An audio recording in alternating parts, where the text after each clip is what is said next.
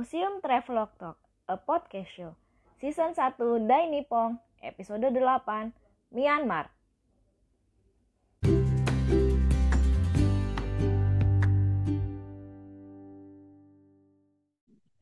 Hai, selamat datang di Museum Travelog Talk. Gue Ajeng, salah satu host di podcast ini. Gue Retno. Gue Argi.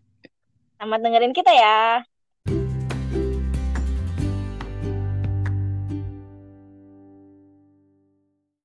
Selamat, Ya, tahun selamat baru. tahun baru.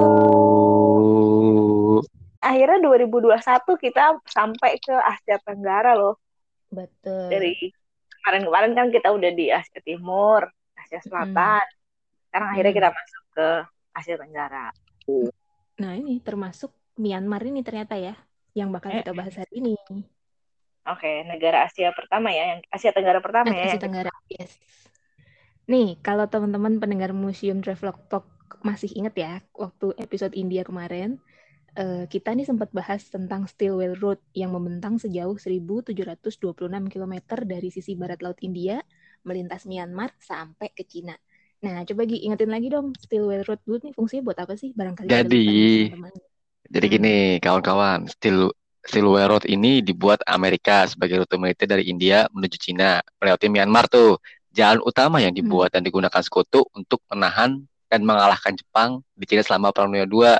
Nah, jalan itu digunakan sekutu untuk akses sekutu mengi- mengirim suplai penunjang peperangan dari India ke Cina. Waktu itu ada dua rute, rute darat dan rute udara.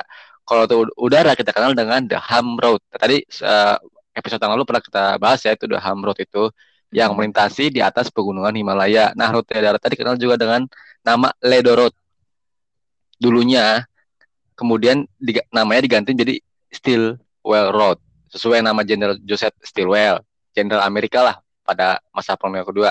Nah, di sini ada filmnya, jadi guys, yang diproduksi tahun 1945. Jadi film itu dokumenter yang dibuat Amerika menceritakan tentang film Stilwell Road atau Ledo Road yang di mana itu kisah tentang orang Skotlandia, Irlandia, Inggris, Amerika, Afrika, India, dan Cina bekerja sama untuk memenangkan perang melawan Jepang. Hmm. Nah, di film itu di, baru dirilis setelah pasca Perang Dunia, Dunia Kedua untuk ah, propaganda mengenai kedamaian dan bahaya eh, fasis dan imperialisme pada saat itu ya. Nah, di film itu juga eh, menceritakan mengenai eh, pasukan Assam dan British India lalu Cina bekerja sama dengan eh, Amerika dan Amerika eh, berhubungan dengan baik dengan Chiang Kai-shek yang membuat jalan Ledo yang menggantikan jalan Burma yang terputus pada saat Perang Dunia Kedua. Seperti itu. Oke, seru nih kayaknya nih ya. Nah, kalau gitu kemarin tuh kan di India ada tuh museum yang membahas tentang Stilwell Road, tempatnya di Arunachal Pradesh. Berarti, ini gue sok tahu banget nih berarti harusnya ada juga dong museum yang membahas tentang Stilwell Road di Myanmar. Soalnya kan dia membentang ser- 1000 km tuh di Myanmar ya. Ada nggak Mbak? Nggak ada sih sebenarnya. Em, Ya. Tapi sebenarnya Stilwell Road Museum ini malah ada di Cina loh. Em, Oh gitu. ya kita belum bahas ya waktu bahas Cina. Ada satu Hmm. namanya Stilwell Museum di Chongqing, Cina. Ini rumah tiga lantai kediaman si Joseph Stilwell itu, uh, si Jenderal Hmm. Amerika yang memimpin pembangunan jalan. Museumnya itu dibuka tahun 94, dikelola oleh pemerintah kota Chongqing, tapi secara finansial disupport sama Joseph Stilwell Institute Foundation dari Amerika. Nah, Oke. tahu gue tahun 2020 ini juga sebenarnya direncanakan untuk dibuka Stilwell Road Museum sih di Tengchong City di Cina. Nah, museum Hmm. ini akan memamerkan benda-benda peninggalan Perang Dunia II yang berkaitan dengan Stilwell Road, termasuk truk, jeep, alat-alat konstruksi eh, dan bagi dan koleksi lain ya gitu yang sebagian besar merupakan koleksinya ada orang namanya Zhou Sichai, eh, kolektor lokal gitu deh yang hobi ngumpulin material terkait Stilwell Road ini. Cuman em, ya kita tahu 2020 pasti banyak em, rencana yang tertunda kali ya gitu. Nah, belum belum dilihat belum ada kabar-kabarnya lagi sih eh, bahwa Steel Road, Stilwell Road Museum ini dibuka gitu. Baru dibilang ada rencana dibuka 2020 tapi berita lanjutannya belum ada gitu. Oh, begitu ya. Kita doakan aja ya cepet-cepet dibuka. Terus kalau tiba-tiba dibuka kita bisa datang. Wih, keren itu. Amin. Pengen ke sana, jalan-jalan. Iyalah, pengen banget. Oke, jadi ternyata justru nggak ada museum tentang Stilwell Road di Myanmar ya. Tapi gue justru jadi penasaran nih, sejarah Myanmar dengan Jepang emang gimana sih? Emangnya Myanmar pernah didudukin Jepang, Gi? Oh, pernah. Jadi sebelum tahun 1942, Myanmar itu eh, termasuk koloni Inggris. Jadi kalau Hmm. nah setelah Burma Jepang ya blok- namanya ya waktu Iya, itu ya. Burma bukan Myanmar. Nah, ketika Burma diinvasi sama Jepang, Inggris kocar Hmm. kacir tuh mundur tuh. Itu pernah kita bahas tuh di India waktu itu. Dia mundur ke India. Hmm. Nah, di situlah awal mulanya pertama dibentuknya nanti tuh eh, tentara kolonial Jepang di situ di Burma. Untuk negara Burma ya pertama kali bagi mereka untuk memerdekakan eh, Inggris. Jadi dari penjajah yang koloni Inggris ke koloni Jepang gitu sih. Mirip Oh, lah. eh, mm-mm, mirip-mirip peta berarti ya? Peta di Indonesia, peta. Iya, peta, mirip peta. Nah, Hmm. eh, kalau di kita kan peta pembela tanah air. Hmm. Kalau di sana mereka disebutnya BIA, Burma Independence Army, ya, t- t- tentara kemerdekaan eh, Burma lah. Nah, Mm-mm. konsepnya itu eh, mirip peta ke Indonesia. Tahun 1943, Burma kemudian mendeklarasikan kemerdekaannya lah, kemer- kemer- kemerdekaan semi lah kayak kita lah, di bawah Jepang. Tapi menjadi negara boneka tetap. Namun belakangan mereka Hmm. berbalik juga melawan Jepang akhirnya selama periode Perang Dunia Kedua. Selain orang Burma, ada pula pihak Inggris dan India, Cina, Amerika Serikat yang berperang melawan Jepang di wilayah Burma. Jadi banyak tuh, itu benar-benar multi etnis perangnya. Bahkan etnis Mm-mm. minoritas Burma juga berkonflik dengan mayoritas tentu saja berkonflik dengan eh, dengan Jepang juga ya kita tahu Rong Rohingya itu etnisnya yang minoritasnya. Bahkan ada pula tragedi pembunuhan massal dilakukan oleh Jepang at- atau etnis mayoritas di Burma. Nah, angkatan darat kolaborator dan revolusioner yang berjuang untuk mengakhiri kekuasaan Inggris di Burma dengan membantu Jepang dalam melakukan mereka tahun 1942 selama Perang Dunia itu pasukan ini disebut eh, pasukan BDA atau Burma Defense eh, Army. Jadi eh, itu per- perubahan dari BIA kayak kita ke peta berubah lagi ke sini ke sini sini mereka juga ada perubahan itu untuk di sana itu untuk eh, membantu sekutu untuk melawan Jepang yang akhirnya berontak dari kekaisaran kolonial Jepang lah pada saat itu. Hmm. Nah, eh, negara itu berubah lagi menjadi BNA, jadi Burma National Army yang di bawah eh, boneka negara Mbak Mao tahun 1943. Jadi terpecah dua, ada ada dua pasukan seperti itu sih. Ngeri ya. Jadi walaupun pasca Perang Dunia II Burma yang sekarang Myanmar jadi negara merdeka dari Inggris, tapi sampai berpuluh-puluh tahun kemudian masih tetap perang saudara gitu ya. Iya, masih perang saudara, Mbak. Jadi masih ada eh, dua fraksi lah di sana. Jadi tetap jadi jadi junta militer lah pada saat itu. Jadi pantesan aja dia jadi salah satu negara yang paling tertutup dan terisolasi ya sampai saat ini ya. Iya, kan menganut konsep fasis dia. Fasis Hmm. itu. Nah, terus gimana tuh Mbak? Museum-museum di Myanmar ada nggak sih yang merekam peristiwa Perang Dunia II, Mbak? Kan ini sejarahnya cukup kompleks nih. Nah, sampai pembunuhan massal etnis minoritas dan sebagainya. Itu terekam nggak sih dalam museum atau justru ditampilkan dari sudut pandang lain? Tentu tidak. Em, kayaknya sih kalau di kalau googling googling ya tentang si museum Mhm. Myanmar dan Perang Dunia II itu paling banyak paling paling paling yang ada cuman si Dead, Ra- Dead Railway Museum. Em, Mm-mm. Kayaknya kalau museum-museum kalau kita googling museum Myanmar itu juga keluarnya biasanya kayak banyak yang apa sih yang museum etnografi bukan museum kebudayaan gitu ya keluarnya. Mungkin ya gara-gara Hmm. perang saudara terus gitu makanya di, diambilnya ngangkat kebudayaan-kebudayaan gitu ya. Nggak tahu juga Ah. sih gue tapi mungkin aja begitu logikanya. Tapi kalau cari sejarah perang dunia II kan kompleks dan complicated gitu tuh kayaknya nggak terlalu ada. Nah em, padahal sebenarnya kan sejarah Myanmar itu lebih dari Dead Railway ya gitu kan Ah. tapi kayaknya paling banter ya tentang si Dead Railway itu gitu Nah, ngomong-ngomong soal Dead Railway, coba Gi ceritain apa sih Dead Railway ini? Jadi eh, Burma itu dianggap sebagai titik balik yang strategis eh, oleh Jepang.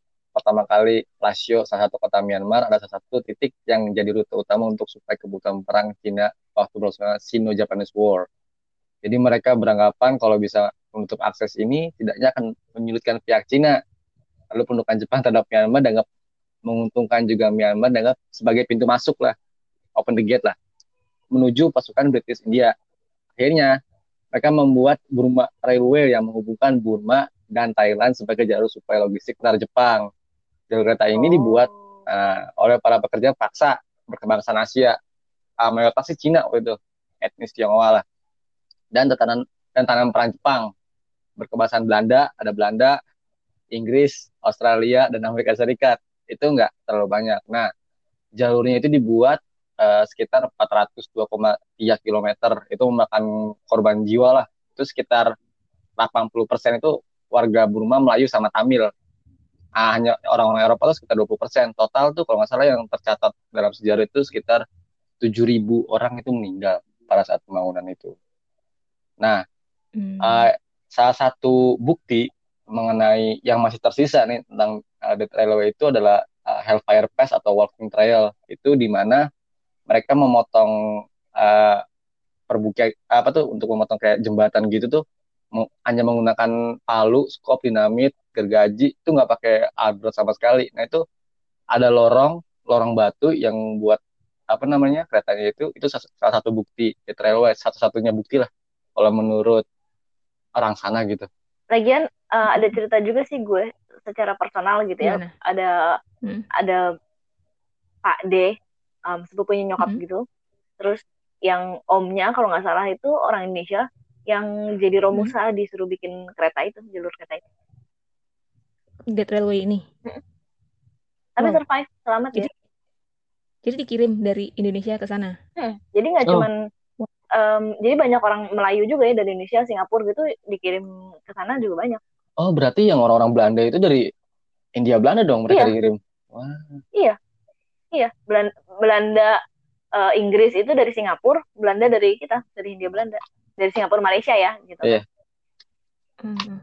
Gitu. Nah, terus museumnya gimana, Mbak? Um, kalau di Myanmar sih ada satu museum namanya mm. Death Railway Museum di Tan Tan Biu Zayat gitu ya yang emang ceritain tentang pembuatan jalur kereta api yang menghubungkan Thailand dan Myanmar itu si Dead Railway itu tapi katanya sih hmm. di museumnya koleksi yang masterpiece cuman ada uh, jalur keretanya sisa-sisa potongan jalur hmm. kereta gitu sama lokomotif kereta Jepangnya zaman Perang Dunia II gitu terus sisanya hmm. dipamerin pakai foto-foto sama lukisan 3D gitu lah gitu ya udah gitu doang um, kalau lebih lengkap setahu gue adanya di Thailand di versi Thailand. Di sana bahkan sampai ada tiga museum yang bahas itu doang gitu. Nggak sabar nih gue. Tapi ada nggak sih mbak gitu. museum gitu. perang dunia kedua di Myanmar yang berbau militer gitulah? Maksudnya kayak kita tahu negara lain punya militer kan juta militer punya nggak tuh museumnya? Ada sih um, namanya Myanmar Defense Service Museum di Naipi Pidao. Tapi um, kalau dilihat dari reviewnya ya di Trip Advisor kayaknya banyak menampilkan pesawat sama kendaraan-kendaraan militer sih. Um, tapi ada sih hmm. yang diceritain tentang si yang tadi lo bilang itu 30 koman, commander Komrek. 30 iya. kawan uh. ya. Nah, uh, sebenarnya awalnya tuh museum ada di Yangon. Hmm. Terus akhirnya 2011 dipindahin ke Naipidau. Nah, areanya yang di Naipidau itu indoor dan outdoor terus 200 hektar. Jadi kalau kalau baca-baca di uh, di review ya, kalau orang asing datang pasti harus ninggalin ID gitu. Terus mereka jalan jalan kaki beberapa kilo gitu ke dalam. Karena 200 hektar kan untuk menuju ke hmm. museum indoornya itu. Nah, itu emang menceritakan tentang um, militer Myanmar dari zaman-zaman kemerdekaan sampai sekarang. Ya tertut salah satunya tentang si 30 orang Jepang itu yang eh 30 orang yang dilatih militer sama Jepang untuk jadi Burma Independence Army itu yang resistensi terhadap Inggris.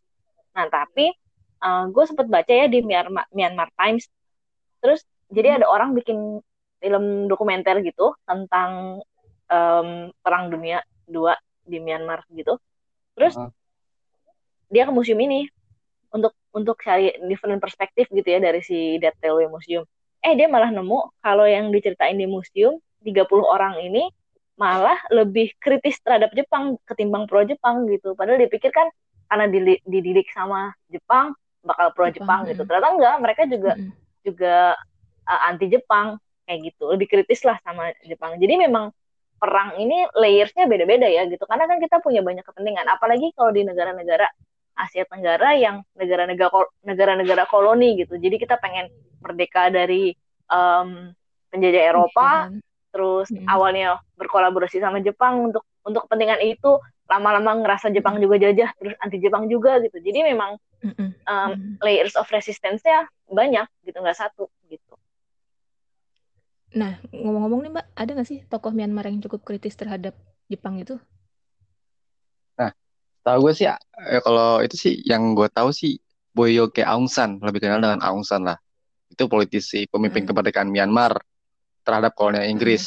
Hmm. Nah, itu tuh dia mulai eh, uh, 30 yang yang yang 30 orang itu 30 komret dari militer oleh Jepang untuk memimpin Biak pada itu dibentuk dibentuk tentara koloni Jepang untuk melawan Inggris. Nah, hmm. pemimpinnya salah satunya si Aung San ini. Aung San sebagai pemimpin lah leadernya. Nah, awalnya uh, si Aung San ini pro sama Jepang. Tapi lama-lama kemudian, mungkin kita nggak tahu apa, sejarahnya ada perjanjian sama sekutu segala macam, akhirnya berbalik melawan Jepang. Nah, pada saat berbalik melawan Jepang, dia masuk ke dalam uh, pasukan underground, jadi uh, gerakan bawah tanah lah. Jadi di dalam infiltrasi mereka itu. Nah, uh, Aung San ini termasuk orang yang dihormati di Myanmar itu kalau nggak salah dia punya uh, patungan sendiri itu di utara Kadangwangi kalau nggak salah di Danau Yangon. Jadi di, uh, orang Myanmar menghormati Aung San sebagai uh, bapak revolusioner untuk melawan antifasis dan merubah kuasanya menjadi demokrasi. Itu sih yang gue tahu ada, dia. Ada museumnya loh dia. Um, Bo oh, iya? Yoke Aung San Museum itu di Yangon. Bokyoke itu kalau nggak salah hmm. artinya jenderal deh. Gitu. Jadi kayak jenderal Aung San Aung oh. San gitu. Pokoknya pokoknya hmm. sebutan untuk ya bukan nama asli gitu, sebutan untuk gelar atau apalah gitu. Nah, dalam hmm. bahasa sana gitu ya. Nah, e, tempat tinggalnya itu dulu jadi kayak rumah bersejarah, museum rumah bersejarah gitu. Dia kan dieksekusi tuh tahun 47. Uh. Nah, jadi ini tempat tinggal terakhir yang sebelum dia dieksekusi rumahnya tuh dua lantai gitu terus kayak semacam villa kolonial gitu loh yang dibangun tahun 20-an hmm. nah sebenarnya hmm. ini museum udah dibuka dari tahun 62 tapi kan anaknya kan si Aung San Suu Kyi itu oh iya itu kan dimarginalisasi ya sama pemerintah militer uh, Myanmar uh. jadi museumnya benar-benar di restrict banget dibuka benar-benar secara terbatas cuma beberapa hari dalam setahun boleh buka untuk umum kayak gitu-gitu sampai baru bisa dibuka lagi di reopen ya di secara formal gitu boleh untuk dibuka lagi tahun 2012 baru. Nah sekarang udah masuk ke Yangon City Heritage List. Kalau setahu hmm. gue sih di hmm. musim ini ya biasa lah ya namanya historic house ceritain tentang kehidupan si jenderal itu. Ada benda-benda hmm. memorabilianya dia kayak uh, baju, buku, terus furniture, foto-foto keluarga, bahkan ada mobilnya juga. Nah, ada pidato-pidato hmm. dia, terus ada tulisan surat-surat dia untuk istrinya, lucu deh. Oh, tulisan menarik, menarik. tulisan tangan gitu ya uh, jadi ada tulisan tangannya hmm. gitu nah tapi yang kalau menurut gue yang lebih lucu lagi di halaman museum kan dikasih dibikinin patung dia tapi ah. patungnya uh. bentuknya dia lagi berkebun gitu karena kan mm. halaman rumahnya gitu kan jadi mm. kalau buat gue keren sih gue penasaran sih Iya, jadi penasaran jadi berasa mampir ke rumah jenderal gitu ya. Iya, terus jenderal lagi berkebun. Hai. iya. Tapi seru nih kita jalan-jalan ke Myanmar ini. Kalau gue pribadi sih jadi tahu kalau uh, Jepang pernah menjadikan orang-orang um, Australia, Belanda, dan Inggris juga sebagai prisoner of war-nya ya, dan dipaksa bekerja untuk membangun Burma Railway ini. Kalau menurut gue ya, um, memang hmm. kayaknya Perang Dunia II memang kurang ya direpresentasiin di museum-museum di Myanmar. Ya karena hmm. soalnya sejarahnya kompleks hmm. itu kali ya tadi ya. Apalagi kan banyak konflik hmm. perang saudara sesudahnya sampai yeah. bahkan berpuluh-puluh tahun gitu. Jadi kan itu jadi isu yang sensitif, isu kontroversial. Jadi ya jadi susah di representasiin di museum gitu. Karena terlalu apa ya, terlalu sensitif, belum siap kayaknya orang-orang ya untuk yeah. untuk telling the story dari segala macam sudut pandang atau kayak gitulah. Kalau kayak di museum-museum di barat gitu kan, um, negatif self history udah dibuka aja kan gitu bahwa mereka menjajah, hmm. mereka uh, penjahat perang gitu tuh diceritain gitu. Nah, tapi di negara-negara mungkin kayak di negara-negara Indonesia atau Asia itu mungkin belum belum terlalu bisa kali ya gitu Myanmar lah maksudnya negara-negara yang sejarahnya masih sensitif masih banyak yang ditutup-tutupi ya agak susah gitu. sama kayak kita kita kan banyak sejarah yang ditutup-tutupi belum di apa uh, ditimbulkan ke permukaan jadi kita memang belum siap kayaknya kalau kita kita ungkap itu mungkin akan merubah politik kita juga sih sebenarnya mbak Hmm. Terus minggu depan kita Nah, ke Thailand. ke mana kita? Nah. Thailand Iya. Thailand. Oke oke. Jangan lupa follow dan like akun Spotify Museum Travelog Talk karena kita Ah. sebenarnya basicnya akan publish episode baru setiap hari Rabu, Rabu sore gitu. Jadi kalau udah sub- ah, udah follow kan pasti insya Allah nggak ketinggalan ya gitu. Nah Ah. kalau nggak suka dengerin podcast bisa baca tulisannya di blog www.museumtravelog.com atau follow Instagram aja @museumtravelog biar tahu kalau kita udah publish gitu. Hmm. Betul. Follow Instagram kita juga boleh ya, Mbak? Iya. Instagram lo apa? Shameless promo. At? At Rayus. Apa apa apa? A Y U L S T.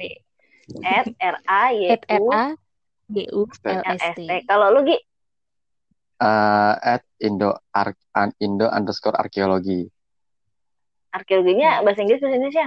bahasa Inggris. Jadi Indo Archaeology gitu ya. Ah, Yes. Oke, nah itu juga bisa tuh biar tahu kapan em, kita publish. Gitu.